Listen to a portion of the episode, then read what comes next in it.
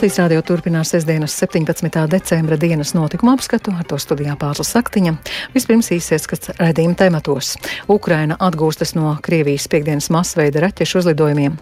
Vācijā atklāts pirmais sašķidrinātās dabas gāzes terminālis. Apmeklētājiem durvis ver viens, viens no Mākslas akadēmijas studentu darbu izstāde Jaunmarka.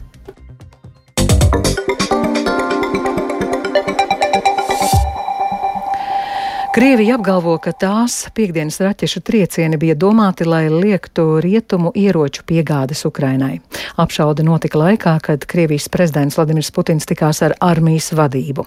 Ukrainas amatpersonas apgalvo, ka Krievijas armijas galvenais mērķis bija elektrības un apkuras infrastruktūra, nevis militāri objekti. Tiek ziņots par vismaz četriem bojāgājušiem un būtiskiem bojājumiem. Jaunāko informāciju ir apkopojis Arķems Konahaus. Krievijas aizsardzības ministrija apgalvo, ka piekdienas raķešu uzbrukumi Ukrainas teritorijai esot saistīti ar mēģinājumiem traucēt rietumu valstu ieroču piegādēm. Līdzīgus argumentus Krievijas amatpersonas izmanto diezgan bieži, tomēr praksa liecina, ka no raķešu uzbrukumiem masveidā cieši civilie objekti, tostarp elektrības un apkuras infrastruktūra. Ukrainas prezidents Volodimirs Zelenskis savā ikvakara uzrunā sacīja, ka piekdien Ukrainas spēkiem ir izdevies notriekt 60 Krievijas armijas raķetes. Аварійні відключення електрики були застосовані сьогодні по всій країні. Ārkārtas elektrības atslēgšana šodien notika visā valstī, vairumā pilsētu un reģionu. Kīvā un 14 reģionos elektrības atslēgšanas dēļ nebija pieejams ūdens. Mūsu elektriķi un avārijas brigādes ir sākuši darbu vēl gaisa trauksmes laikā un dara visu iespējamo, lai atjaunotu elektrības ražošanu un padevi. Tam ir vajadzīgs laiks, bet tas tiks paveikts. На це потрібен час. Але це буде. Tiek ziņots, ka Krievijai sagrauta trīs stāvu dzīvojamā māja un vismaz trīs cilvēki ir miruši. Viņu vidū arī pusotru gadu vecs zīdainis. Vietējās amatpersonas vēsta, ka uzbrukumā ievainoti vēl 13 cilvēki. Savukārt nesen atbrīvotajā Hersonā ir nogalināts kāds 36 gadus vecs vīrietis un ievainota 70 gadus veca sieviete. Kīivas mērs Vitālijs Kličko ir paziņojis, ka pilsētas metro sestdienas rītā ir atsācis darbu. Tāpat pusē pilsētas iedzīvotāju ir atjaunota siltuma padeve. Savukārt elektrība ir pieejama divām trešdaļām iedzīvotāju. Tomēr Kličko piebilda, ka elektrības deficīta dēļ tās padeve tiek ik pa laikam atslēgta. Tāpat Ukrainas plašsaziņas līdzekļi vēsta, ka sestdien pretgaisa aizsardzības sistēmai ir izdevies notriekt divas raķetes, kas tika izšautas Odesas virzienā no Krimas. Savukārt Krievijas prezidents Vladimirs Putins piekdien ir ticies ar savu aizsardzības ministru Sergeju Šoigu un armijas vadību. Sanāksmē, kas esot ilgusi lielāko piekdienas daļu, ir piedalījies arī Sergejs Surovīkens. Viņš komandē Krievijas karaspēku Ukrainā. Oficiāli izplatītajos video kadros ir dzirdams, ka Putins aicina sanākušos izteikt viedokli par tuvākā un vidējā termiņa soļiem. Tikmēr Ukrainā un rietumos arvien skaļāk tiek runāts, ka Krievija gatavojas jaunam masveida uzbrukumam. Tas varētu notikt no ziemeļiem, iespējams no Baltkrievijas. Putins neesot arī atmetis domu vēlreiz mēģināt ieņemt Kīvu. Iespējams, ka tas notiks 24. februārī, kad būs apritējis tieši gads kopš šī kara sākuma. Arcums Konahals Latvijas Rādio Briselē. Vācijā atklāts pirmais sašķidrinātās dabasgāzes termināls. Tas atrodas vēl ziemeļos Lejas Saksijas pilsētā Vilhelmshāfenē. Tos būvēja nepilnos desmit mēnešos. Peldošais termināls pie Ziemeļjūras krastiem izveidots, lai mazinātu Vācijas atkarību no Krievijas gāzes piegādēm. Plānots, ka termināļa jauda būs 7,5 miljardi kubikmetru dabasgāzes gadā, kas ir vairāk nekā 8% no 21. gada gāzes patēriņa Vācijā. Līdz gada beigām Vācija cer pabeigt pabeigt vēl četrus sašķidrinātās dabasgāzes termināļus. Caur tiem varētu nodrošināt trešdaļu no Vācijas vajadzībām. Tādas ir ekonomikas ministrijas aplēses.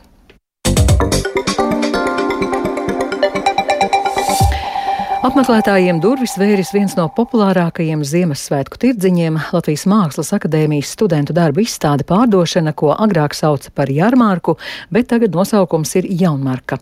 Divus gadus tā nenotika pandēmijas dēļ. Kāda ir atmosfēra un kādus pārsteigumus sarūpējuši rīkotāji par to ievas puķis ierakstā. Cilvēki nāk viens pēc otra. Tāds skats šodien vērojams pie Latvijas Mākslas akadēmijas ieejas. Seniori, bērni ratiņos, pat suņi, Studentu darba izstāde Jaunmarka ir dzīvniekiem draudzīga, arī cenas joprojām demokrātiskas. Manis uzrunātie apmeklētāji tā arī saka.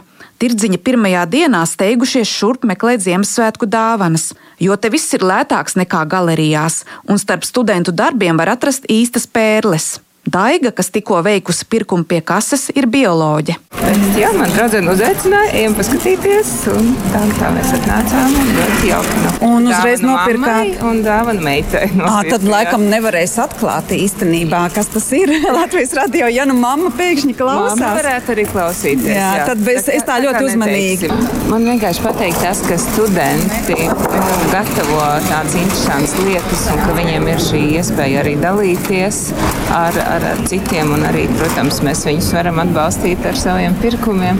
Un vienmēr kaut kāds tāds var novērtēt, cik radoši viņi ir, cik interesanti. Tas nav tāds parastais tirdziņš, kur nu, ir diezgan iepriekš paredzamas lietas, jā, bet šeit ir tā kaut kas, oh, arī tā var, arī, arī to var izdomāt un kāds fantāzijas lidojums. Jaunmarkā vienopus apskatāmi vairāk nekā 200 jauno mākslinieku darbi, pārsvarā glezniecība, bet ir arī ogles zīmējumi, keramika, stikls, metāls, grafika, tekstils. Tirdziņu organizēja augstskolas studentu pašpārvalde. Tikko beidzās pirmā pusgada mākslas darbu skates, tā bija jāsāk iekārtot jaunmarka, stāsta pašpārvaldes vadītāja Agnese Apine, kura studē grafiku trešajā kursā un tikai oktobrī ievēlēta šajā amatā. Viņas pašas darbi atrodami gan jaunmarkā, gan populārajā grafiķu kalendārā, kas pazuda no letes nepilnu stundu pēc tirdziņa atvēršanas, taču tiek piegādāts vēl. Divus gadus jaunmarka nenotika. Nevienam no organizatoriem nav bijusi iespēja pārņemt tradīciju no priekštečiem.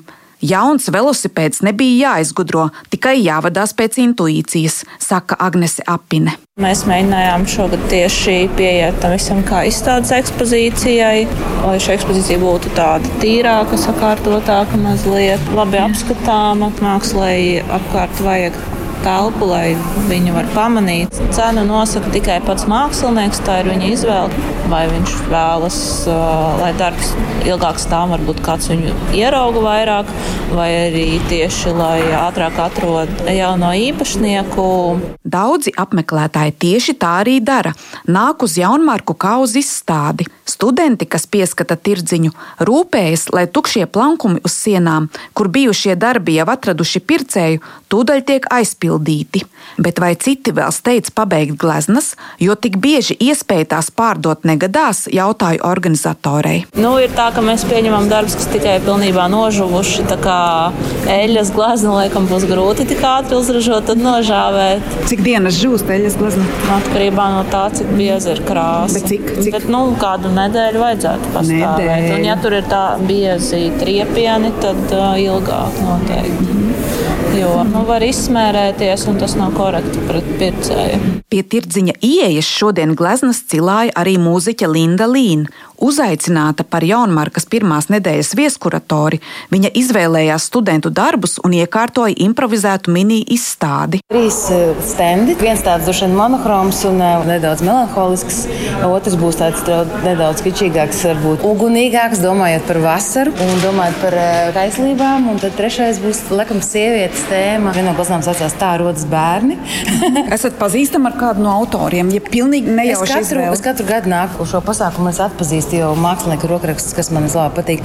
Un man šķiet, ka viena no glazām es arī esmu izvēlējusies no mākslinieka darbiem, kas jau ir man no citām jarmarkām mājās pie sienas. Tā kā, jā, man ir savi mīluļi. Jaunmarkā no nākamās trešdienas būs skatāma atkal cita vieskuratora izstāde. Vārdu organizatori gan gribēja paturēt noslēpumā. Bet apmeklētājs tirdziņš gaidīs katru dienu līdz 6. janvārim. Nebūs atvērts tikai svētku dienās, jo arī studentiem ir jāatpūšas. Ieva Puķa, Latvijas radio.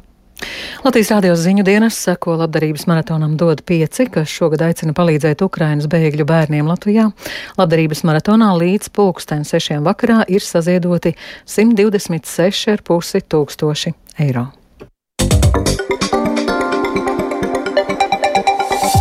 Bet turpinājumā par sportu. Šobrīd norisinās pasaules kausa futbolā spēle par trešo vietu. Savukārt tepat Rīgā notiek Latvijas kausa izcīņa volejbolā sievietēm. Vairāk par visu pastāstīs Lotārs Zariņš. Sveiks, Lotār! Sveiki, pārstāvji, sveiki, klausītāji! Lotār, pastāst lūdzu, kā šobrīd rīt spēle futbolā par trešo vietu. Jā, nu, pēc pirmā puslaika spēlē par bronzu vadībā bija Horvātijas izlase ar 2-1. Un eh, jau no mača pirmajām minūtēm abas komandas rādīja aktīvus uzbrukumus kā uz vieniem, tā otriem vārtiem.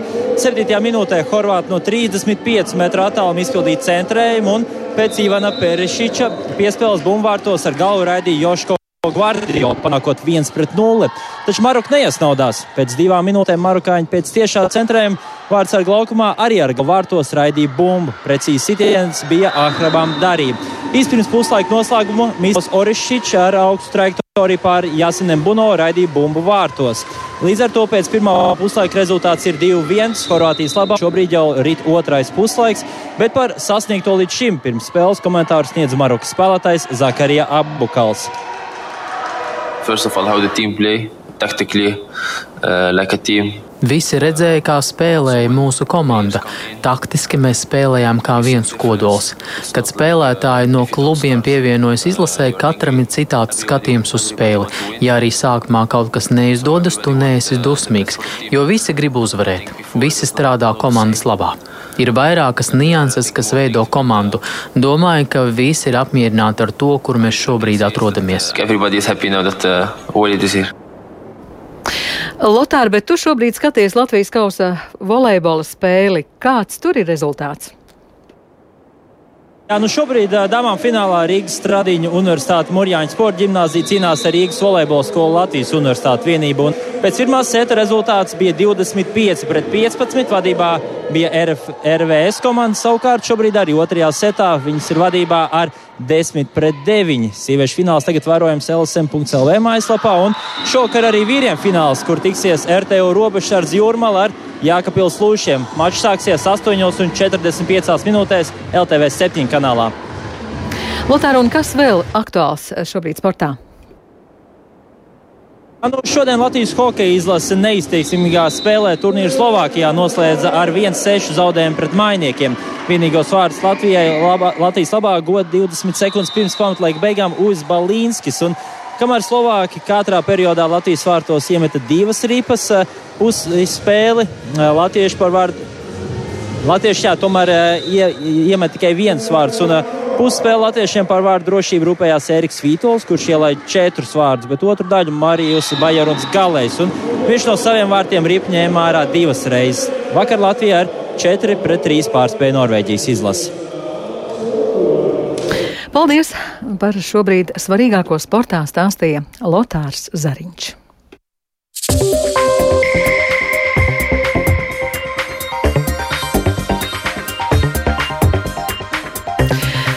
Un ar to izskan dienas notikuma apskats. Pats Viktors Pupiks ierakstus montēja Udis Grīnbergs par labskaņu rūpējās Rīta Karneča, ar jums runāja pārsta saktiņa, vēl īsi par svarīgāko.